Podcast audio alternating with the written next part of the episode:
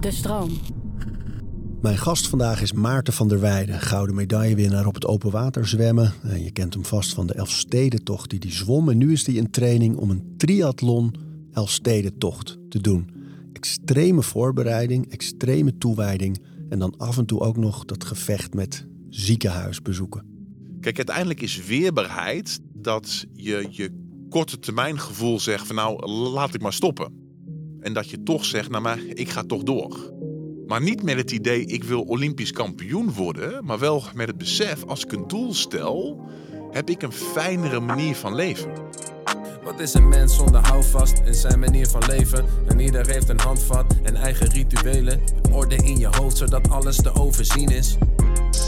We praten over routines. Mensen die kennen het verhaal van uh, Olympische sporters die heel erg geloven in zij gaan winnen. En dat heb ik nooit gehad. Ik wist dat een heleboel zwemmers sneller konden zwemmen dan ik. Maar ik vond het proberen en mijn stinkende best doen ook wel weer heel erg leuk.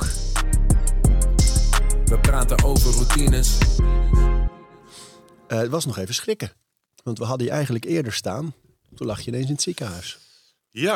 Wat was er gebeurd? Nee, dat was even anders. Ja, ik uh, was een beetje gek. Ik had opeens uh, in het weekend had ik zwarte ontlasting en flautes. En nou, die flautes werden ook steeds heftiger. Dat ik ook een soort van bewusteloos werd.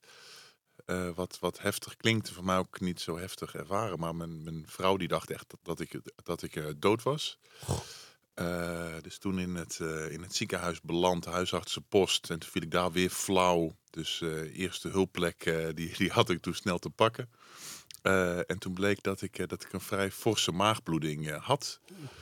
Uh, die best wel ingewikkeld was ook. Dus vaak als je een bloeding hebt en je krijgt een scan, dan zien ze gelijk waar het is. Maar mijn maagbloeding was dat, dat het een slagader was die openklapte. Maar ook dan als de bloeddruk daalde weer dichtklapte. Dus als ze me dan onder een scan uh, legden, dan, dan zagen ze niks. Dus het duurde wel even voordat ze wisten waar het zat. Hoe kom je aan zoiets? Ja, er zijn een aantal factoren die de kans daarop groter maken. Dus als je, als je last hebt van, uh, van suiker, dan, uh, dan is die kans iets groter. Uh, bij, bij oudere mensen zie je met broze vaten zie je dat de kans wat groter is. maar ook zonder dat je die dingen hebt, ja, dan kan het soms voorkomen zonder dat er een duidelijke reden is. Dus ja, dan valt het een beetje in het hokje, hokje pech. Oh, je lacht er nu om, maar dat is gewoon levensbedreigend, toch? In jouw geval, als je zo'n geschiedenis van, uh, van ziekte hebt, hè, dat klinkt alsof je zwak en broos bent, dat bedoel ik niet. Maar je hebt wel gewoon uh, natuurlijk met kanker een uh, geschiedenis. Ja. Ik merk dat, dat ik dan heel erg de behoefte heb dat het een soort van kansboom is. Van ik sta nu hier en dit is het slechtste scenario. Maar als het het slechtste scenario is, hoe ziet dat er dan uit? Nou, dan, dan, dan is het, is het, is het darmkanker of maagkanker. Dan word je daaraan behandeld. Uh, en dan, ja, dan kan dat goed gaan, maar het kan ook fout gaan. Dus als je dan doorgaat in het allerslechtste scenario, ja, dan, dan, ga, je, dan ga je sterven. En denk je, ja, shit, dat zou natuurlijk heel naar zijn en dat, en dat wil je niet. Uh, maar als dat gebeurt, hoe ziet dat er dan uit? En ik was zelfs op het, op het, op het niveau en ik heb, ik, ik, ik, ik heb de eigenschap dat ik het heel ver doordenk. Terwijl uh, ik ook weet dat anderen dat ietsje minder ver doordenken. Dus ik kan me ook nog herinneren dat ik heel erg daarin zat. En ook helemaal zat met, goh, maar als ik dan nu sterf... en dat was echt wel anders dan toen, dat, uh, uh, toen ik, toen ik leukemie had. Omdat ik nu twee, twee dochters heb. Dus het, het, speelde heel erg ook, ja, weet je, dan, dan, dan, dan laat ik dus mijn dochters na en mijn vrouw. En we hebben net een nieuw huis uh, laten bouwen. En, en ja, dan kan zij waarschijnlijk die lasten niet dragen. Dan moet ze gaan verhuizen. Ik was heel erg dat, dat hele scenario aan het, aan het doordenken. En toen was Daisy, mijn vrouw, net naast me. En die merkte dat ik wat stiller was. En die vroeg aan mij, waar denk je aan? En toen dacht ik, ja, ik, ik, ik, rationeel weet ik dat het misschien niet handig is als ik dit deel, dat ik hiermee bezig ben. Maar ja, zij durft wel die vraag te stellen en dan moet ze het antwoord ook durven dragen of zo. Dus toen, heb ik dat, heb ik dat uh, verteld. Van, nou ja, ik ben bezig dat als het dan kanker is en ik sterf en ik jou achterlaat en de meiden achterlaat, ja, hoe dat dan gaat zijn. En dat jij dan allemaal, allemaal problemen hebt en dan, en dan verhuizen en ellende. En ik, ja, ik, ik, ik, ik, ik, ik vind het zo heftig. En dan mijn, oude, mijn eigen vergankelijkheid gaat dan nog wel of zo. Maar ja, de, de meisjes achterlaten en, en jou in, in verhuizen. En het is allemaal zo, is allemaal zo, zo, zo, zo naar. Hoe reageerden ze? Nou, ze, ze, ze, ze, ze eigenlijk een beetje schouderophalend van, ja, weet je, maar een, een verhuizing, dat maakt me dan ook niet zo van me uit of zo. Dus zij, zij, zij hielp mij dat ze die, die relativering heel erg meedeed. Ze is ook wel wat gewend met je natuurlijk inmiddels, hè? Ja, ja, dat, dat, dat, ja, dat ook. Uh, maar het, het helpt mij heel erg dat ik dat allerslechtste scenario voor me heb. En als ik dan dat, dat allerslechtste scenario heb, dan ontstond er ook wel weer heel snel iets van. Ja, maar die, die, die 41 jaar die ik heb gehad. En, en ik heb een mooie jeugd gehad. Het was allemaal fijn. En nadat ik die, die leukemie heb gehad, dat ik, dat, ik, dat ik het geluk had te herstellen. Dat ik, dat ik voor de Olympische Spelen kon gaan. Dat ik een gouden medaille kon winnen. Dat ik, dat ik twee dagprachtige dochters kon krijgen, ondanks al die behandelingen. Dat ik, dat, dat ik een prachtig leven heb en een prachtige vrouw heb. En oh, wat heb ik het ook fijn gehad. En ik, en ik ben dan enorm dankbaar. Ja. Ik hoorde over Harry de Winter, die net overleden is als wij dit opnemen. Dat een van zijn zoons gevraagd had: um, joh, wat zou je nog willen doen in die laatste weken, dagen? En dat hij had gezegd: nee, ik heb eigenlijk niets. Het is oké zo. Ja, het zo fijn en zo mooi. Zo klinkt dit ook. Ja. Het is een mooie lijst. Maar met dat dat uitwerken van die scenario's. Hè? Deed je dat ook met sport al? Dat, dat... Heel erg. Ja? Heel erg, ja. Ja, dus ook uh, mensen die kennen het verhaal van uh, Olympische sporters die heel erg geloven in zij gaan winnen. Uh, en dat heb ik nooit gehad. Dus, dus ik wist dat er een heleboel zwemmers. Ja, mijn ellende van mijn Olympisch traject was dat ik wist dat een heleboel sportzwemmers sneller konden zwemmen dan ik. Dus dat mijn kans relatief klein was. Ehm, maar ik vond het proberen en mijn stinkende best doen ook wel weer heel erg leuk. Dus daarom ging ik het toch doen. En en ja, voordat ik mijn Olympische race inging, hadden Australische boekmakers op, me op 1 tegen 40 staan. En ik denk dat dat ongeveer zo was. Maar ja, ook al is het 1 tegen 40, ook kleine kansen kunnen uitkomen. En ja, dat dat opeens zo, zeg maar, samenviel. Ja, ook daar voel ik me enorm dankbaar, zeg maar. Dus, dus...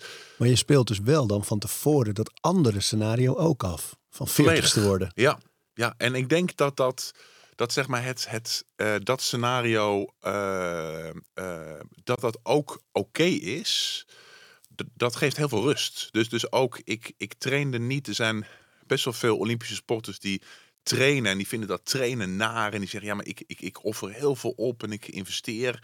Maar, maar straks, dan ben ik Olympisch kampioen en dan is het allemaal waard. En mijn, ja, mijn afweging daarin is veel meer dat ik de weg er naartoe altijd leuk vind.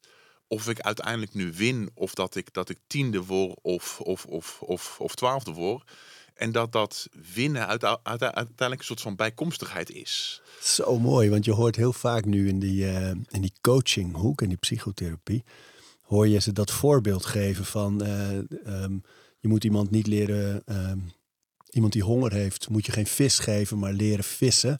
Of uh, degene die van lopen houdt, houdt het langer vol dan degene die nadenkt over het eindpunt.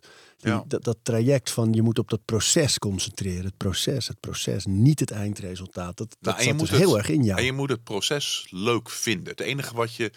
Kijk, ik, ik, ik geloof dat de maatschappij veel te veel draait over de maakbaarheid van het leven, maakbaarheid van succes, maakbaarheid van, van gezondheid ook. Hè? Uh, en ik, ik geloof dat die maakbaarheid een heel stuk minder is dan we heel graag willen weten of willen denken. Uh, en dan valt het in het leven vaak tegen. Uh, en als het dan tegenvalt, dan kun je natuurlijk een heleboel frustratie voelen. Maar die frustratie die werkt sowieso niet. En als we met het niet halen van het succes, niet, niet uh, ja, minder uh, als er iets overkomt wat we liever niet hebben, als we een beetje compassie voor onszelf en naar elkaar hebben, dat maakt het allemaal zoveel draaglijker. Mooi. Ja. Ja, en het is ook door die, dat, die term manifesteren inderdaad, dat mensen dan denken je moet die mooie scenario's afdraaien en dan wordt het ook zo. Eh, dit is eigenlijk het tegenovergestelde. Hè? Dat je het scenario dat minder mooi is helemaal afdraait. En is dan ook het doel van die exercitie dat je eigenlijk al voelt... oh ja, maar als dat het allerergste is, dan kan ik het hebben of zo? Ja, nou dan, dan, dan valt het dus mee of zo, ja. En ben je En- niet bang en- dat je daarmee eigenlijk het, het, het scenario zo in je hoofd zet dat dat de waarheid gaat worden? Dat je het manifesteert bijna, weet je wel, van het, dat doemscenario. Ja, maar daar geloof ik dus niet in. Dus, Mooi. dus als, ik, als ik in het ziekenhuis lig en ze hebben die scan gemaakt en ik draai het allerslechtste scenario af dat het darmkanker is of maagkanker en ik, en ik daaraan sterf en dat mijn, mijn, mijn, mijn, mijn partner en mijn dochters verhuizen. Doordat ik dat scenario afdraai, maakt de kans dat dat gebeurt niet groter. Dat is natuurlijk flauwekul. Ehm, en juist die, die gedachte en het vasthouden dat het maakbaar eh, zou zijn. Ja, dat geeft aan de andere kant natuurlijk een soort van schuldgevoel als het anders loopt dan je, dan je wil. Eh, en ik denk dat dat alsof juist heel niet erg goed genoeg gedaan hebt. Ja, dat hoor Ja. je ook vaak. Hè? Als je niet gelukkig bent, dan doe je iets fout. Dat, die, die onzin. Ja. Ja. Nou, Maar- en ik merkte ook, en ook de, de, de, de, het, het, het aparte van in het ziekenhuis liggen. Ja, dan, dan um, naderhand. Ja, wat, wat er in de maatschappij een soort van standaard kijk op ziek zijn is. Dat je achteraf dan ook best wel vaak hoort. Ja, je lichaam wil je toch iets vertellen, hè? Hoezo? Wat is, wat is dat voor flauw? Ik, je hebt, je hebt een, een, een maag, daar zit een, een, een slagader in. Daar zat waarschijnlijk al jaren een klein scheurtje in. En dat gaat door omstandigheden, we weten door de medische wereld niet exact hoe, gaat dat een keer verkeerd en dan lig ik daar. Dat betekent niet dat mijn lichaam mij iets wil vertellen en dat ik iets fout heb gedaan. Het is is Ik vreselijk. weet, ik weet dat eh, fysiotherapeuten dat vaak zeggen over bijvoorbeeld de rugklachten, van eh, lage rugklachten. Dat ze zeggen dat is bijna altijd een signaal van het lichaam dat. En ik denk dat daar vandaan komt dat mensen dat tegenwoordig bij alles Bij maar alles. roepen. Ja, ja. Nee, dat is een hele gevaarlijke tendens eigenlijk, omdat het met mensen inderdaad heel sterk het gevoel geeft. Jij hebt iets fout gedaan en daarom is dit je Het gebeurd. is een soort van, van patient blaming of zo. Ja. Ja. Ja. Nee, dat is geen goede ontwikkeling. Maar, Nee. maar, maar geloof je niet... Kijk, dat vind ik zelf met dat manifesteren altijd een, een interessant punt.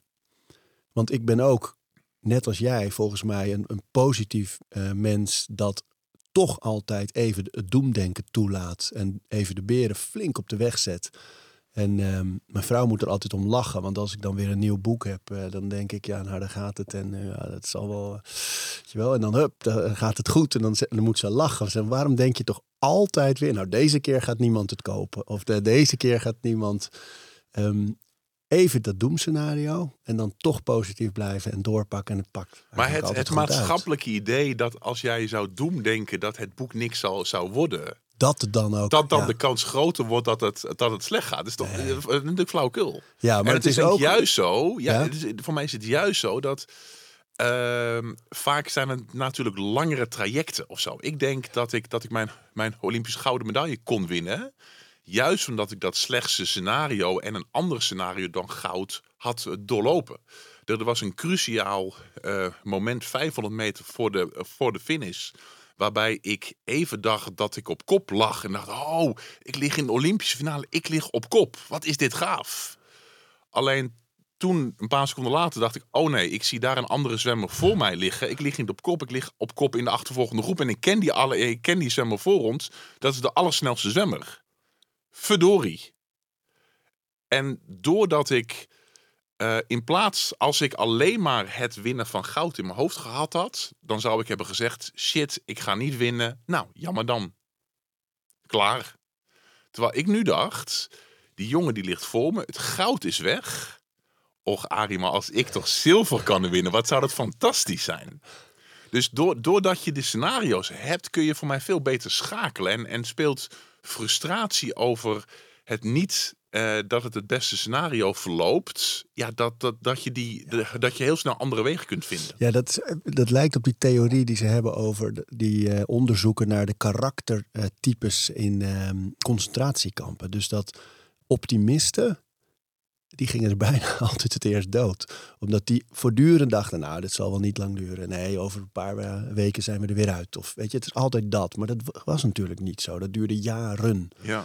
En de pessimisten gingen ook redelijk snel, want die waren alleen maar aan het doemdenken. Ja, het moet ons weer overkomen. En, uh, Laat maar zitten. ja, laat maar zitten, dat heeft toch geen zin.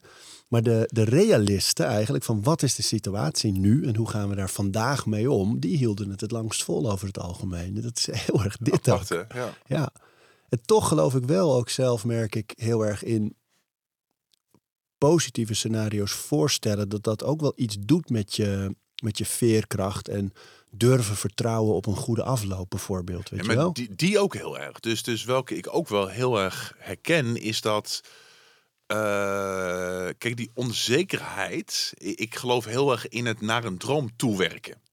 En ook al weet je dat, dus, dus, dus ook, ook nu weer. eh, ik ben al drie jaar lang aan het trainen dat ik, dat ik de, de Triathlon ga doen.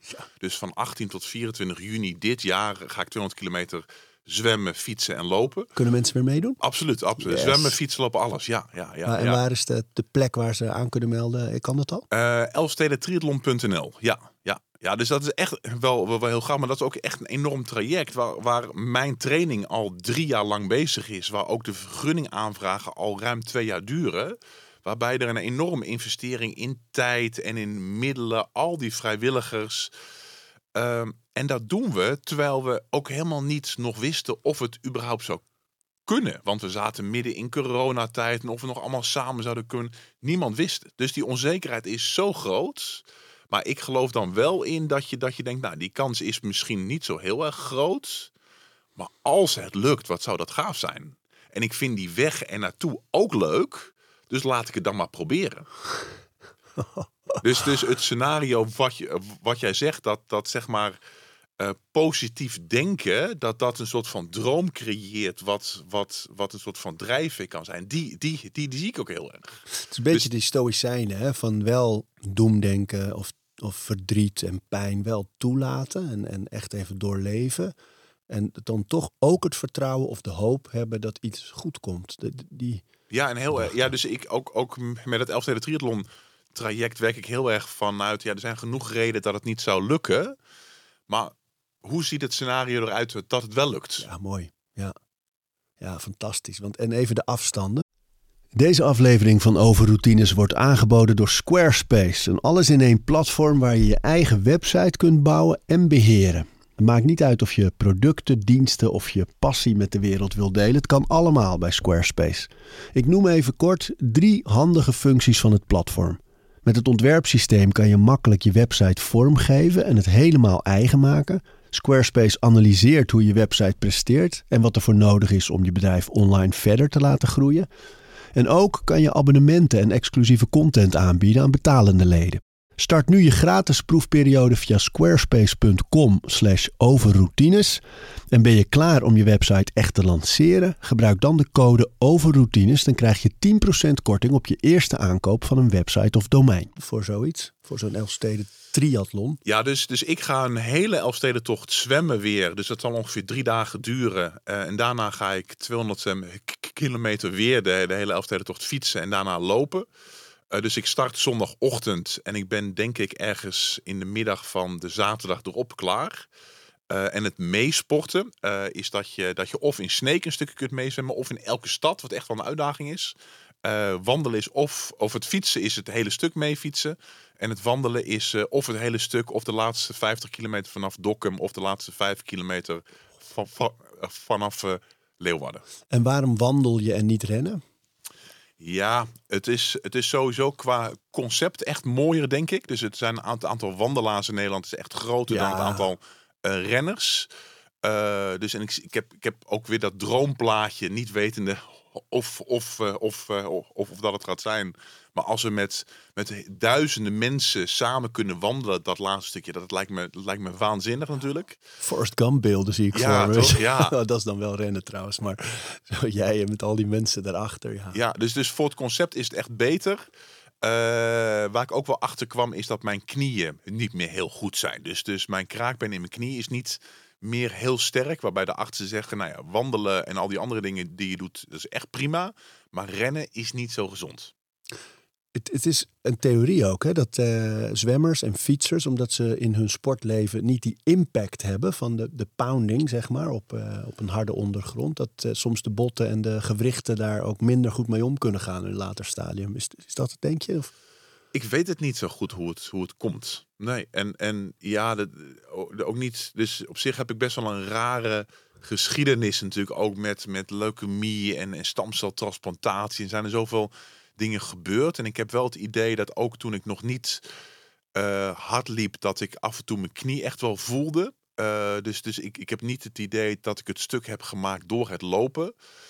Maar het maakt niet zoveel uit. Dit is de status die ik nu heb of zo. Ja, ja. ja dat is ook een mooi voorbeeld. Hè? Van oké, dit is de situatie. Hoe gaan we schakelen? Wat kan wel? Dat denk ik, ja. Ja, ja mooie instelling. Even terug, want je, je was in dat ziekenhuis, je bent die doemscenario's aan, aan het afspelen. Hoe was het moment dat je hoorde dat het niet dat was? Ja, wat was een beetje gek. Ik was, uh, uh, ik was aan het wachten tot ze die uitslag zouden komen geven. Toen dacht ik, nou, ik ga nog even naar het toilet. En ik denk dat ik wel, want het is echt vreselijk. Dus ik had die zaterdag daarvoor had ik nog meegedaan aan een 100 kilometer wandeltocht. Die ik niet haalde met frustratie. Moest ik na, na 75 kilometer stoppen. En een dag later lag ik in het ziekenhuis en ik kon geen drie stappen meer zetten. Echt letterlijk echt geen drie stappen. En ik was weer een beetje door de, door de bloedtransfusies die ik gehad had, weer ietsje beter. Dus ik dacht, nou, die vijf stappen naar de wc, die kan ik nu zelf wel. Uh, wat niet lukte, ik flauw viel weer met mijn hoofd tegen de muur. Uh, weer een soort van uh, bewusteloosheidfase had. En ik bijkwam en de artsen voor mijn neus stonden en een soort van geschrokken waren. En mijn eerste vraag was: Hebben jullie de uitslag van de scan? en zei: Ja, maar die, het is wel goed. Ik zei, oh, oké, nou, super fijn. Ja. ja. ja. niemand vangt jou ook als je valt natuurlijk. Nee, nee ruim twee meter. Ja, En het, het, het, rare is ook dat, dat die, die bewusteloosheidfases die ik, die ik toen een paar keer gehad had... Ik herinner me dat als een, als een hele fijne, warme, zorgende droom of zo. Wat, wat bijna een soort van eng is. Ehm, maar de, ook de eerste keer toen Daisy mij daar een soort van terug uithaalde, uh, dat ik dat echt niet prettig vond. Omdat ik nou, daar zijn heel, ja, heel, heel warm was of zo. Wat is dat, denk je? Nou, dat, dat je, je hersenen te weinig bloed krijgen en zuurstof en dat er dan niet raars gebeurt. Maar ik vond wel een soort van troostende gedachte dat dat, dat, dat, dat, dat dan niet prettigs is. Toch of niet, Arie? Ja, ik weet het niet. oh, heerlijk.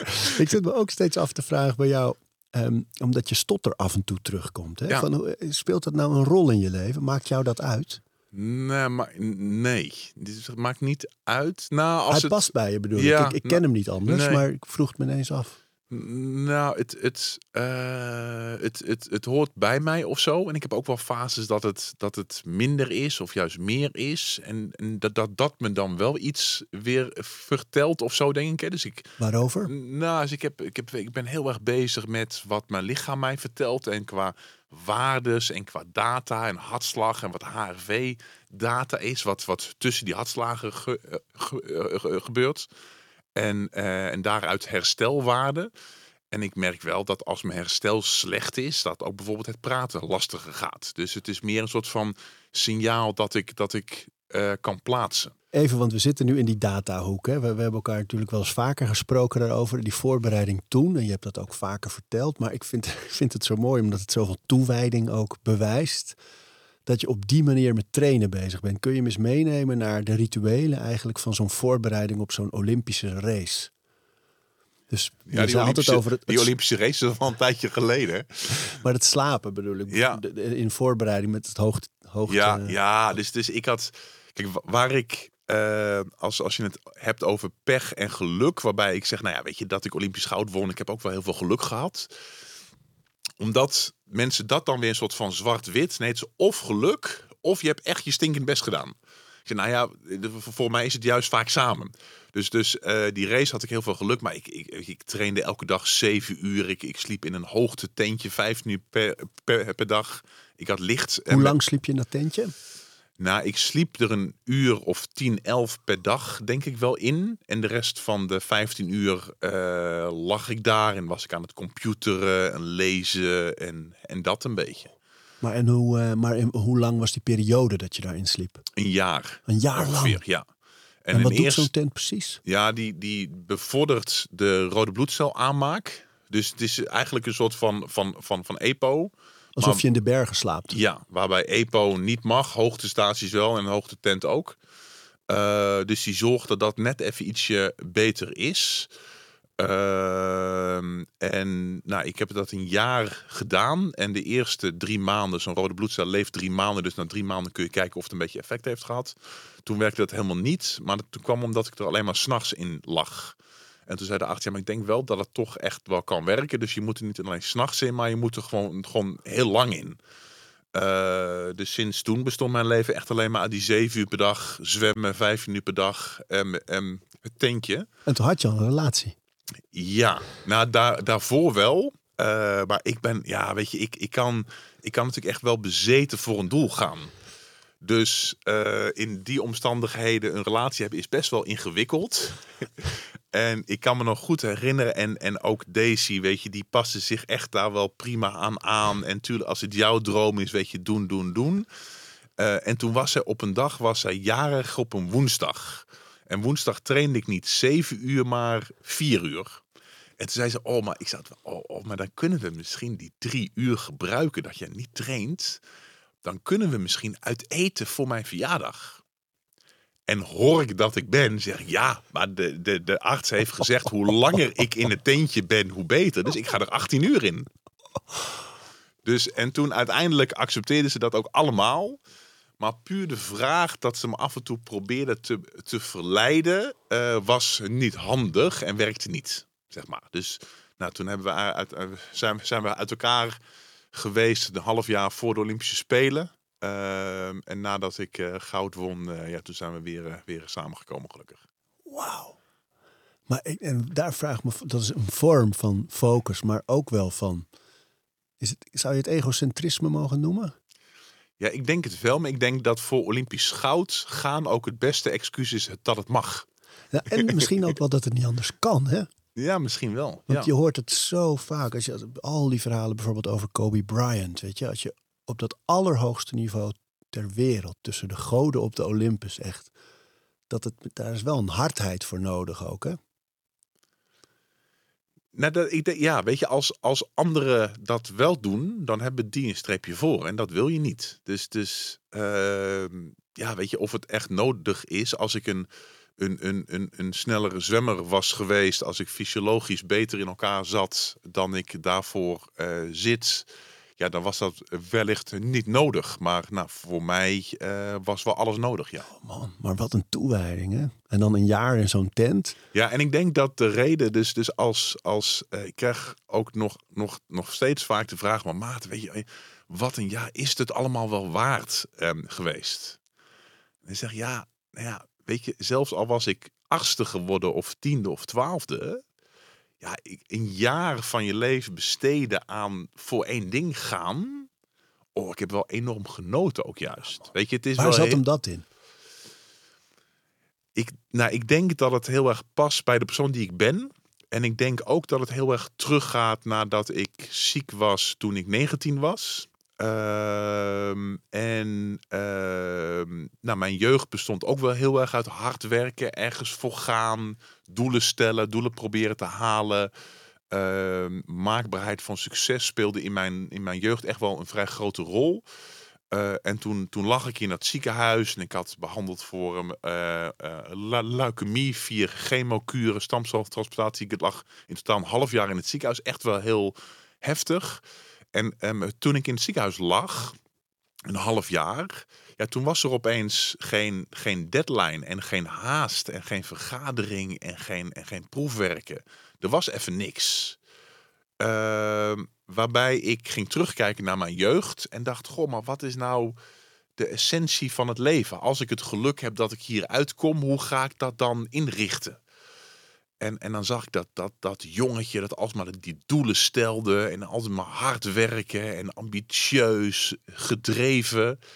En in het zicht van ver, ver, ver- vergankelijkheid, ja, als je het hebt over de zin van het leven, dan is de zin van het leven niet dat je een doel stelt, dat je daar heel erg hard voor werkt en dat je dat, dat doel haalt en dan een nieuw doel stelt. Dus in het zicht van vergankelijkheid heeft doelen stellen helemaal geen zin. Dus in het ziekenhuis besefte ik dat doelen stellen helemaal geen zin had. En ik beloofde mezelf, als ik het geluk, heb te mogen herstellen, dan ga ik geen doelen meer stellen. Dan ga ik elke dag leven alsof het mijn laatste dag is. En ik had het geluk en ik, en ik kwam uit het ziekenhuis en ik ging elke dag leven alsof het mijn laatste dag is. En ik kwam erachter dat als je elke dag leeft alsof het je laatste dag is, dat elke dag hetzelfde is. En dat dat voor mij heel erg snel heel saai wordt. Toen dacht ik, shit. Dus ik dacht, ik heb iets geleerd in het, in het ziekenhuis. En dat is een soort van levensles. En dan voelt het ook als een soort van verplichting dat je die levensles moet naleven. En ik leef dat nu na en het werkt niet. Verdorie. En dacht, ja, oké, maar als ik nu, nu hier zit, wat, wat zou ik dan wel kunnen? Eh, ja, nou laat ik maar weer een doel gaan stellen. Laat ik maar weer gaan zwemmen. Maar niet met het idee, ik wil Olympisch kampioen worden. Maar wel met het besef, als ik een doel stel, heb ik een fijnere manier van leven. En ik denk dat dat, dat, dat bewustzijn. En als je dat legt naast mijn leven met mijn voorbereiding naar de, naar de, naar de, naar de Olympische Spelen toe, dat het exact hetzelfde is. Dus dat ik dat een prettig leven vind, ja, dat, dat komt daaruit, denk ik. De dingen die je deed, je sliep in dat, eh dat. Ehm, je meet je hartslag voortdurend. Waren er nog andere dingen, rituelen, routines, gewoontes die je toen had in voorbereiding? Nou, wat het, wat het prettige is, is dat eh, er toen extreem veel regelmaat was. Eh, en ik wist van hoe laat tot hoe laat ik trainde. Ik wist wat mijn trainingsschema was. Ik wist waar we op trainingskamp gingen. Het komend half jaar stond een soort van vast. Daarnaast had ik dat hoogtetentje waar ik wist, daar ga ik 15 uur per dag in liggen. Dus, dus alles stond al een soort van vast.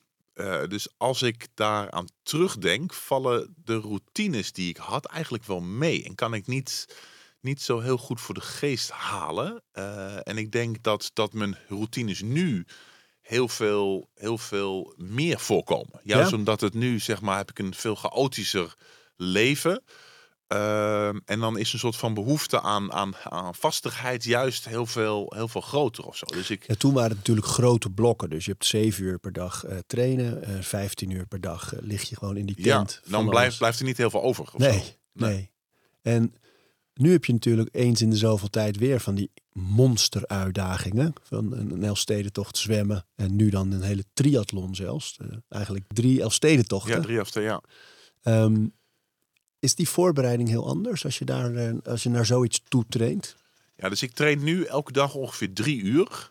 Ehm, Hoe zien die trainingen eruit?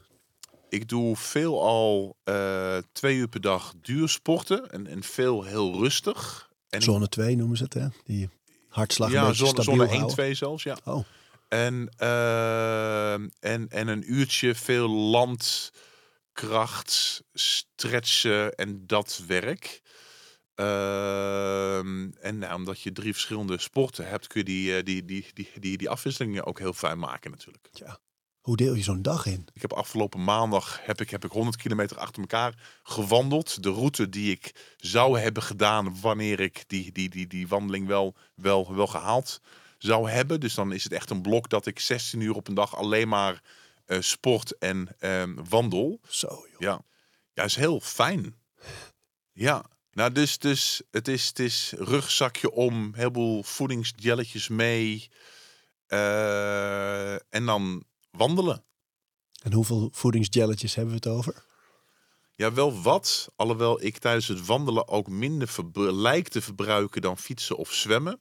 Ehm, en ik kan een grote verandering met de Elfsteden zwemtocht is dat ik, dat ik inmiddels geleerd heb dat ik ook met jelletjes en voedingsdrank echt wel veel meer eh, kilocalorieën aan kan. Dus ik zit, eh, ik zit echt boven de, de 100 gram koolhydraten per uur. Dus qua, qua kilocalorie is dat boven de 400.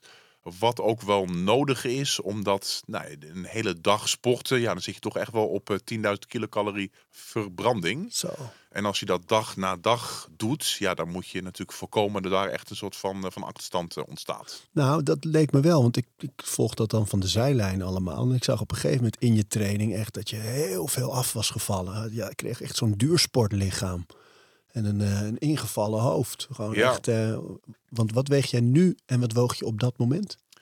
Nou, ik weeg nu 100. Ik woog tijdens de Elfsteden zwemtocht 110. Eh, en de foto waar jij aan refereert, woog ik 90. Zo.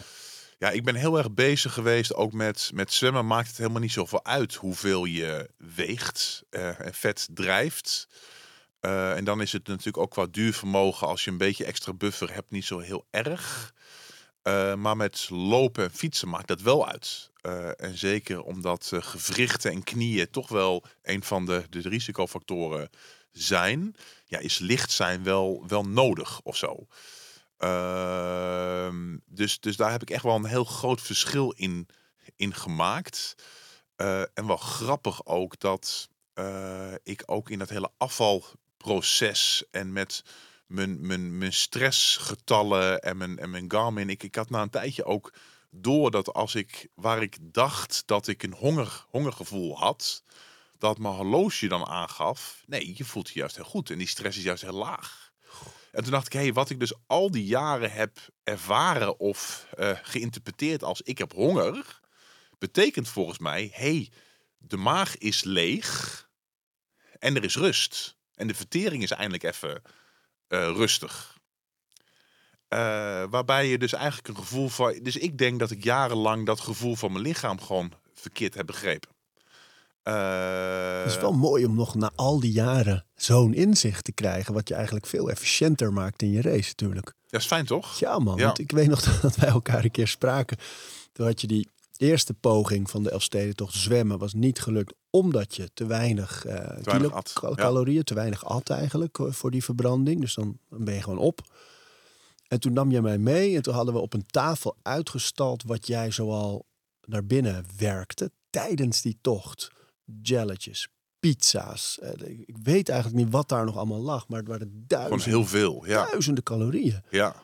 ja dus, ik, Wat, dus wat- hoeveel calorieën had je nodig tijdens die tocht toen? ik heb ongeveer 10.000 kilocalorieën per dag nodig.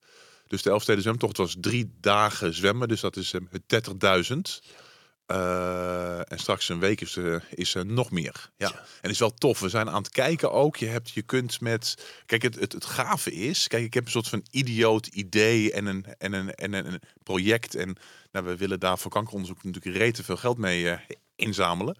Eh, en ik vind persoonlijk ook en het, het sportieve ook leuk dat ja, de wetenschappers aan wie ik vragen kan stellen, ja, vaak ja, komen uit de topsport of dat ik die nog zelf ken en de toegankelijkheid daarvoor voor mij, ja, die, die is wel heel fijn.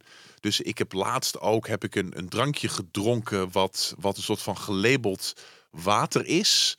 Waarbij ze aan de hand, naderhand kunnen zien en dat plas je dan uit. En aan de urinemonsters kunnen ze dan zien hoeveel kilocalorieën je, je verbranding exact is. Eh, waarbij eh, we nu hebben getest, die uitslagen die, die, die, die, die krijg, ik, krijg ik volgende week. eh, is hoeveel kilocalorieën verbrand ik nou tijdens het zwemmen, fietsen, wandelen. En ja, scheelt dat iets? En als we die dan hebben, ja, dan kunnen we het voedingspatroon helemaal daarop inzoomen, zeg maar. Fantastisch. Gaaf, hè? Ja, man. Ja, het is zo mooi dat eigenlijk in een paar jaar tijd, als je kijkt vanaf de Olympische Spelen naar die Elfstedentochtzwemmer, naar, naar nu, dat je eigenlijk elke keer weer zoveel leert en zoveel efficiënter, echt bijna alsof er een, een machine wordt aangepast op efficiënter draaien. Ja, Gro- grote stap die we daar ook hebben gemaakt is dat ik heel lang eh, het schema had dat ik ehm 60 kilocalorieën per of 60 gram koolhydraten per uur nam. En dan elke vijf uur een hele grote maaltijd. Omdat we dachten, ja, dan hebben we een soort van natuurlijk verloop van grote maaltijden. Ehm, terwijl we er nu achter komen, ook eigenlijk wel heel erg logisch, dat het natuurlijk veel efficiënter is voor die machine als je gewoon heel geleidelijk iets krijgt. Dus je kunt beter elk uur meer dan 100 gram koolhydraten pakken dan 60 en, en dan elke vijf uur opeens heel veel. Tijdens zo'n race. Ja. ja, ja. Ja, Zo joh. ja. Want als je zoveel tegelijk neemt, dan, dan gaan er allerlei andere dingen spelen. De krampen of wat dan ook. Nou, de ellende is als je te weinig voeding tot je krijgt, ja, dan loopt het ergens natuurlijk vast. Maar als je te veel hebt, ja, dan, dan is het is het misselijkheidsgevoel. Dus je, het is, je kunt het wel in je mond stoppen en je kunt het wel doorslikken. Maar er, er is een barrière hoeveel je maag en, en je darmen aan kunnen. En als je dus meer inneemt dan dat je darmen aan kunnen, ja, dan, dan houdt het ergens op natuurlijk. En als je ruim 200 kilometer in het water ligt, hè, ehm, doe je dan, heb je bepaalde strategie op wat je in je hoofd, uh, Ja. wat er allemaal gebeurt? Wat, waar denk je aan? Nou, het, het is eh, een, een groot, eh, grote meditatieve leegte. Wat ook wel weer heel simpel is. Dus ook in, in de. eh, we hebben het over routines. En voor mij, routines gaan heel erg over eh, structuur vergeleken met chaos. Ehm, en als ik natuurlijk aan het sporten ben, het overzicht en dingen die ik moet, het is natuurlijk heel simpel. Ik moet alleen maar sporten. Heel fijn. Ehm, ik merk dat ik ook qua chaos ook, ook misschien wel daardoor heel weinig kan hebben. Dus ik kom in een fase ook waar elke prikkel, elke afleiding wil ik eigenlijk niet, niet zien. En alles moet heel vo- voorspelbaar eh, gebeuren. Eh, en mijn coaches die maken daar ook altijd wel een beetje grapjes om. Ik wil bijvoorbeeld mijn drinken wil ik en ik heb een klok voor me op de, op de boot staan. En ik vind het heel fijn dat ik die controle heb, dat ik weet eh, hoe laat het is. Maar ook dat ik weet wanneer mijn volgende drinken komt. Eh, en ik heb de afspraak dat ik dan elk kwartier iets krijg. En nou, die afspraak is voor mij best wel belangrijk ook of zo. En het, klinkt vreselijk autistisch en raar, als ik dat op, op 13 over zou krijgen, ja, dan zou dat niet kloppen. En het maakt natuurlijk voor je lichaam en voor het drinken natuurlijk helemaal niks uit. Maar puur zeg maar de zekerheid van hey, ik lig hier in het water en ik voel me niet comfortabel. En ik ben al heel lang bezig, maar ik weet als die klok straks 15 is, dan, dan krijg ik wat. Eh, en en ja, coaches die maken er ook wel een beetje grapjes over. Dat ze hem dan op 14 al een beetje voor mijn neus houden, maar dan weer wegtrekken. Ze nee, maat 15 en dan pas krijg je hem. Eh, dus, dus die, die dingen zijn er best wel belangrijk. Of zo. En in mijn hoofd gaat het heel erg over als dan weer een kwartier geweest is, dan kan ik hem weer wegstrepen. Eh, in Friesland is dat ook zo fijn dat je van stad naar stad gaat. Dat, dat je dan een, stad kunt wegstrepen. Eh, en ook echt letterlijk een stempel krijgt en dan door kunt. Ehm, en ik merk ook dat eh, inmiddels weet ik mijn mentale spel ook veel beter. En ik heb voor het, het halen en het, en het eh, blijven doorgaan, wordt je hoofd na een tijdje heel creatief met het verzinnen van redenen waarom stoppen toch echt wel beter zou eh, zijn. Eh, en ik weet dat dat ontstaat op een derde van de tocht. En dat ik met de meest ingenieuze redenen kom, die ook vaak wel, wel kloppen. Zoals? Nou, ik had, ik had eh, twee uitdagingen die ik de afgelopen maanden niet heb gehaald hoe ik hem vooraf dacht. Ik, ik wilde op mijn, op mijn eh, tax, op mijn home trainer thuis, wilde ik eh, duizend kilometer achter elkaar fietsen. En toen had ik 500 gehad en 500 eh, kilometer is de hele dag een beetje. En toen werd het avond. En toen dacht ik, ja, ik heb eigenlijk de inspanningstest wel gehad. En als ik nu die nacht door ga fietsen, dat kan wel. Maar dan is natuurlijk ook de schade die ik heb aan mijn trainingsprogramma echt wel fors. En ik dacht dat dat vooraf dat het wel handig was. Maar ja, nu ik er eh, nog even over nadenk, ja, misschien is, is dat helemaal niet zo nodig. Dus laat ik het niet doen. En nou, op zich is dat helemaal geen raar idee. Ehm, maar nou, voor de Elfsteden Triathlon straks is het natuurlijk wel handig dat ik het wel haal. Maar dat is mooi, hè? Want ik denk dus dat trainen in het klein ook vaak dat is. Van, ik heb het wel eens eh, als ik op zo'n assault bike of echo bike, zo'n fiets waarmee je en met je handen van alles doet en met je fieten, eh, voeten. dan spreek ik bijvoorbeeld af, ik doe elk rondje 20 calorieën daarop.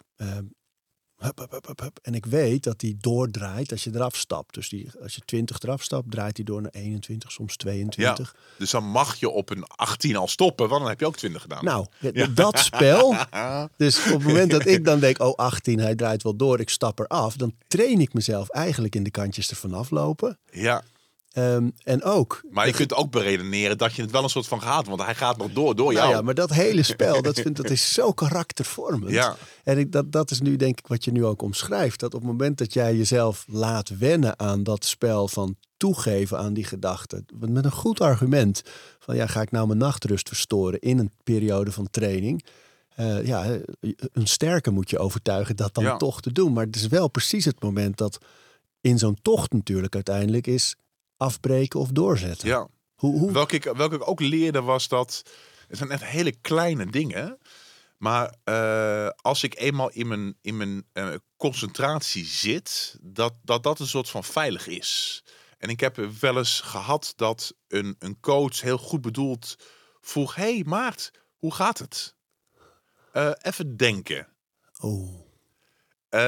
En dat is ook natuurlijk een soort van link of zo. Dus, dus ik heb ook geleerd bij die extreme inspanning dat, dat input en gedachten van anderen in mijn hoofd, dat dat, dat, dat eh, gevaarlijk kan zijn. Ehm, en, en we daarbij ook nou, de afspraak hebben dat ja, ik soms dingen kan vragen, maar dat er, dat, dat er niemand is die een onderwerp opeens aansnijdt of zo. Omdat het dat in een proces in mijn hoofd Ja, kan, kan wat ga je morgen doen? storen. Ja. En, en wat je dus zei is dat je psychisch breek je eigenlijk alles af in haalbare stapjes. Dus je denkt van kwartier naar kwartier voor dat drinken. Je denkt van stad naar stad voor die stempels. En zo bouw je eigenlijk steeds overzichtelijke afstandjes om, om dat gedrocht van een afstand als monster tegenover je te slechten. Ja, en welke heel link is, is dat je gaat terugtellen. Dus je bent geneigd dat als je, als je 100 kilometer zwemmen hebt gehad, dat je denkt, dat is lekker, ik heb de helft. Nu moet ik nog maar 100. Ah, heel ver. Dus het, de afstand is zo ver dat terugtellen geen zin heeft. Dus dat, dat ben ik, heb ik ook wel geleerd, dat, je, dat moet je zoveel mogelijk naar achter schuiven. En ik denk ook dat het, wat ook wel, eh, en dat merk ik met, met, met trainingen die ik ook gewoon nu doe. Als ik, als ik nu een uur sport of ik ga twee uur zwemmen, dat je dan het laatste stukje door het aftellen duurt het langer of zo. Dat je denkt nog een kwartier, nog tien minuten, nog vijf. Dan duurt het opeens heel lang. Terwijl, ja, als het zo lang duurt, is het ook een soort van comfortabel voelen in dat je daar ligt en dat je sport. Dat is even jouw leven. Ja, het is een ultieme manier om naar het nu te gaan, echt. Ja. Hè? Je kan niet te ver vooruit denken, zeker niet terugkijken. En dat Mooi. in het nu zijn. En ik denk dat ik dat. Ik ben van nature iemand die heel erg in de, in de toekomst leeft. En in het nu zijn is dus ook best wel fijn dan. En maakt het ook wel weer heel simpel. Ja, En, en, en nou, terugkomend op eh, hoe je net zei, dat het, de Olympische voorbereiding met dat tentje en die zuurstoftenten, dat was haalbaar omdat ik die weg en naartoe ook soort van leuk vond. Ehm, en nu met de Elfsteden triathlon en voor kankeronderzoek zoveel mogelijk geld inzamelen. En die onzekerheid die daarbij komt kijken, ook dat is haalbaar. En omdat het ook die weg daarheen ook leuk is. Eh, en daarmee maakt het het allemaal wel draaglijk of zo. ja, prachtig. Ik weet nog dat ik ook via jou trouwens met Mark Slats Ja, eh, in aanraking kwam. Ehm, ook een, eh, een extreem avonturier, laten we hem zo maar noemen. We hebben ook een aflevering met hem gemaakt over eh, zijn tocht eh, in een roeiboot over de oceaan. En, ehm, maar die vertelde precies dat. Die braken ook die tocht af en dan steeds eh, een uurtje of twee uurtjes slapen. Dan was die ander aan het roeien. En een heel ander ritme dan je natuurlijk normaal gezond zou vinden. Maar die slaap, dat lukt dan wel. Je bam in slaap en bam er weer uit. Daar wen je toch aan. Ja. Hè? zo is het. Ja. Maar en heb jij na zo'n tocht het gevoel dat je lichaam... Een, het is een enorme aanslag lijkt me. Wat doe je daarna om weer de oude te worden?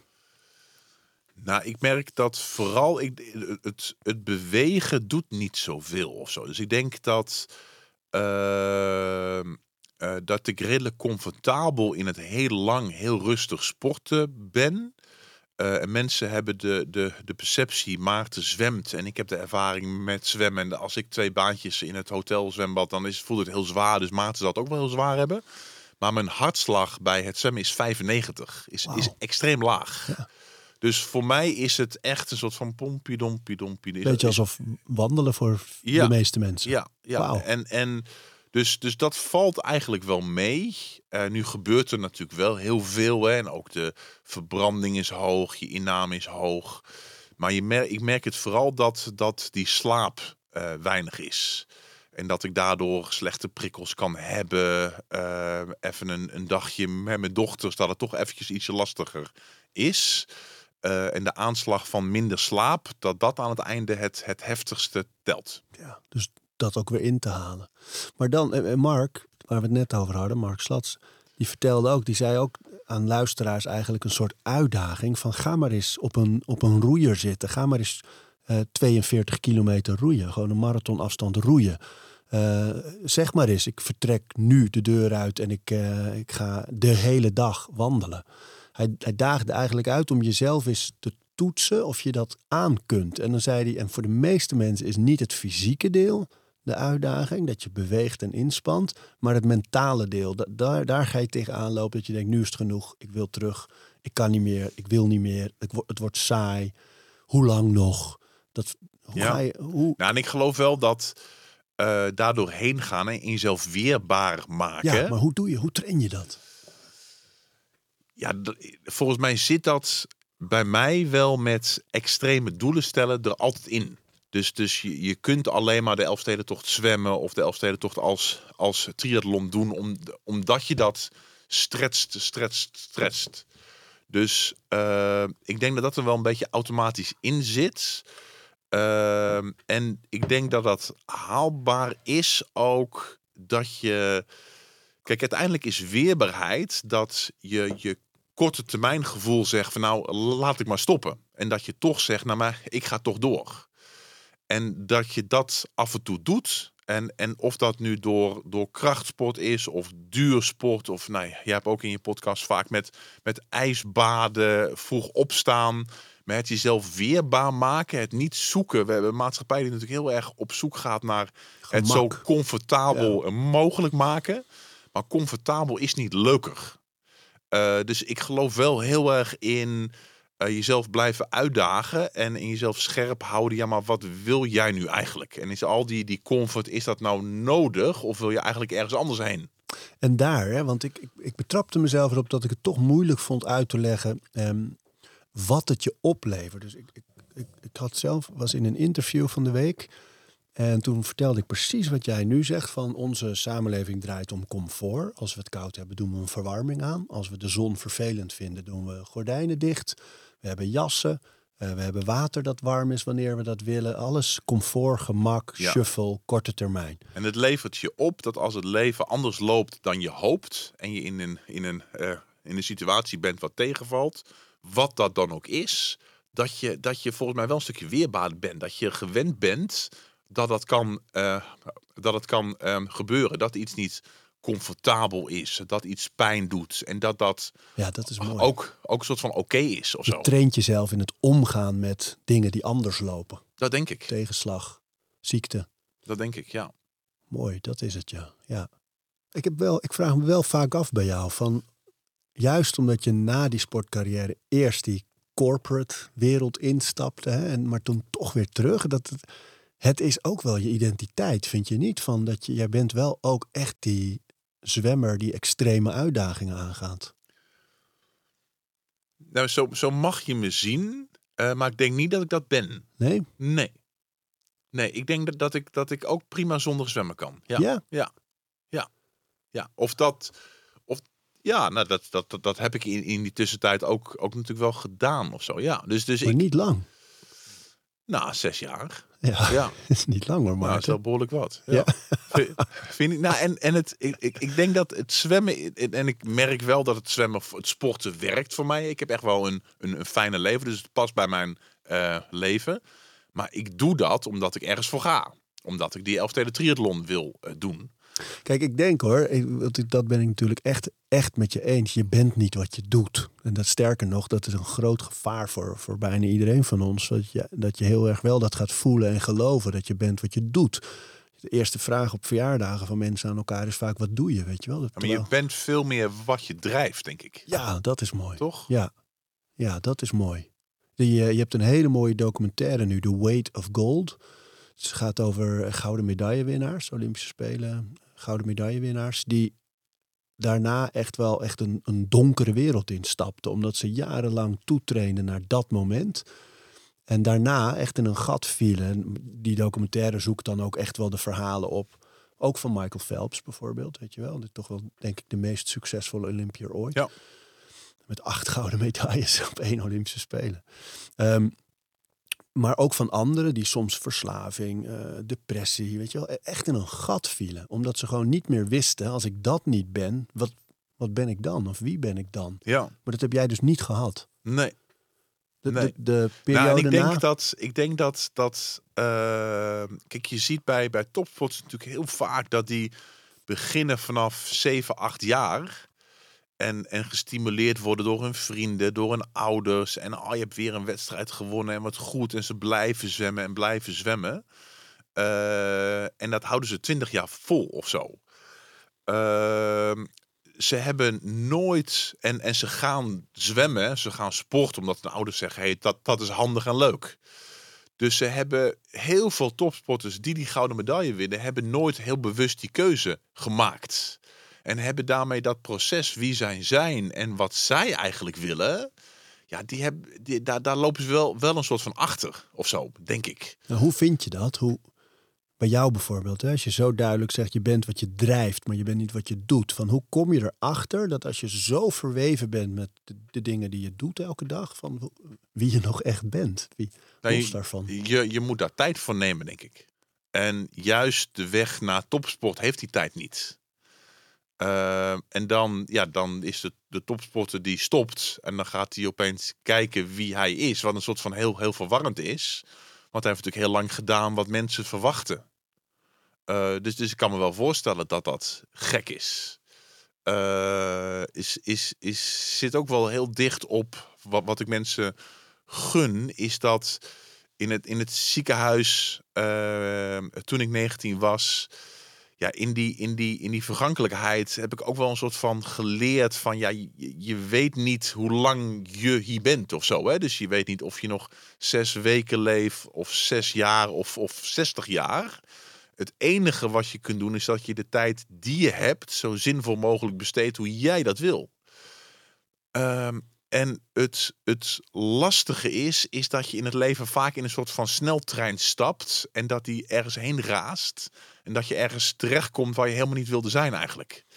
Eh, dus, dus ik vind het altijd heel prettig als ik elke vijf, zes jaar even een stapje terug doe. En kijk, oké, maar ik wilde dit. Ik ging voor het zwemmen en ik sta nu hier en ik besteed zo mijn tijd. Is dat nog logisch? En dat je die tijd en die overdenking wel echt, echt eh, neemt omdat ja, het gevaar is dat je maar gewoon door blijft gaan. En de komende vijf, zes jaar van je leven eh, weer aan hetzelfde be, be- besteedt. Terwijl je niet goed genoeg hebt nagedacht of dat is wat bij jou past en wie jij bent of zo. Mooi. En, en daarom weet ik ook niet of, of, of, of ook het, het, het, als jij zegt, jij bent toch die, die zwemmer. Eh, ik heb eh, toen ik, ik, ik werd ziek in 2001. Eh, mijn Olympische voorbereiding was 2003 tot ehm 2008, is ruim vijf jaar. Eh, mijn Unilever-periode is ook naar die lengte heel veel van, van, van geleerd, heel tof. En mijn, en mijn, en mijn stichtingsperiode en het extreme sporten zit nu ook op die vijf, zes, jaar. Dus betekent dat dat na deze Elfsteden triathlon er weer een andere koers wordt ingeslagen? Nou, dat weet ik Maar niet. er komt wel zo'n evaluatiemoment. Nou, maar ik denk wel dat het. eh, en, en ik heb genoeg tijd tijdens trainingsuren dat ik dat co- continu doe, natuurlijk. Maar het zou mij niet verbazen als de Elfsteden Triathlon mijn laatste grote sporting is. Nee, Nee, nee, ik hoop steeds dat jij nog een keer die van Diana Nayet, weet je wel, dat ze van Cuba naar Amerika zwemt. Gewoon door de, door de oceaan. Ja, dat- Dat hele stuk of zoiets. maar om, ja. om dat nou alleen maar te doen omdat jij dat zo'n leuk Nee, idee kom vindt. op maar. Zij was 67 toen ze het deed. Als jij nou op je 68ste doet, Ja. dan verzinnen we daartussen nog wel wat andere Precies, uitdagingen. Nou, Ja. Wie, wie weet, Arie, wie weet. Nee, dus, dus, dus ik, ik ik ben Weet je, als ik, als ik hier de, de, studio uitloop en er komt een, komt een auto voorbij en dat het dan klaar is. Weet je, ik ben heel trots met wat we ehm, bereikt hebben. En het toffe is ook dus, dus mensen kunnen mee zwemmen, fietsen, uh, wandelen. En het toffe is ook dat, nou, we vragen natuurlijk alle deelnemers dat ze in hun eigen omgeving geld gaan inzamelen. En het toffe is dat, omdat we met een heleboel vrijwilligers werken, de kosten extreem laag zijn en daardoor alle donaties voor de volle 100% op de juiste plek terechtkomen. Elfstedentriathlon.nl Elfstedentriathlon.nl Kunnen ze zich opgeven. Hè? En de site van de stichting? Is hetzelfde. Elfstedentriathlon.nl Alles leidt naar één weg. Precies. Mooi man. Focus. Fijn dat je er was en fijn dat je er bent. Dankjewel dat ik er mocht zijn, Arie. We praten over routines. Dankjewel voor het luisteren. En voordat je weer doorgaat naar andere dingen, wil ik je nog even wijzen op Over Inspiratie. Dat is het mailtje dat ik elke donderdag rondstuur met drie tips. Dingen waar ik zelf veel aan gehad heb. Kunnen producten zijn, artikelen die ik gevonden heb online, onderzoeken uh, Instagram-accounts, podcasts, boeken, van alles eigenlijk. En ik denk dat je daar zelf ook veel aan kunt hebben. Dus vind je het leuk om dat mailtje elke week te ontvangen? Dan kun je je opgeven op ariboomsma.nl onderaan de pagina. Dan krijg je voortaan elke donderdag in je mailbox over inspiratie.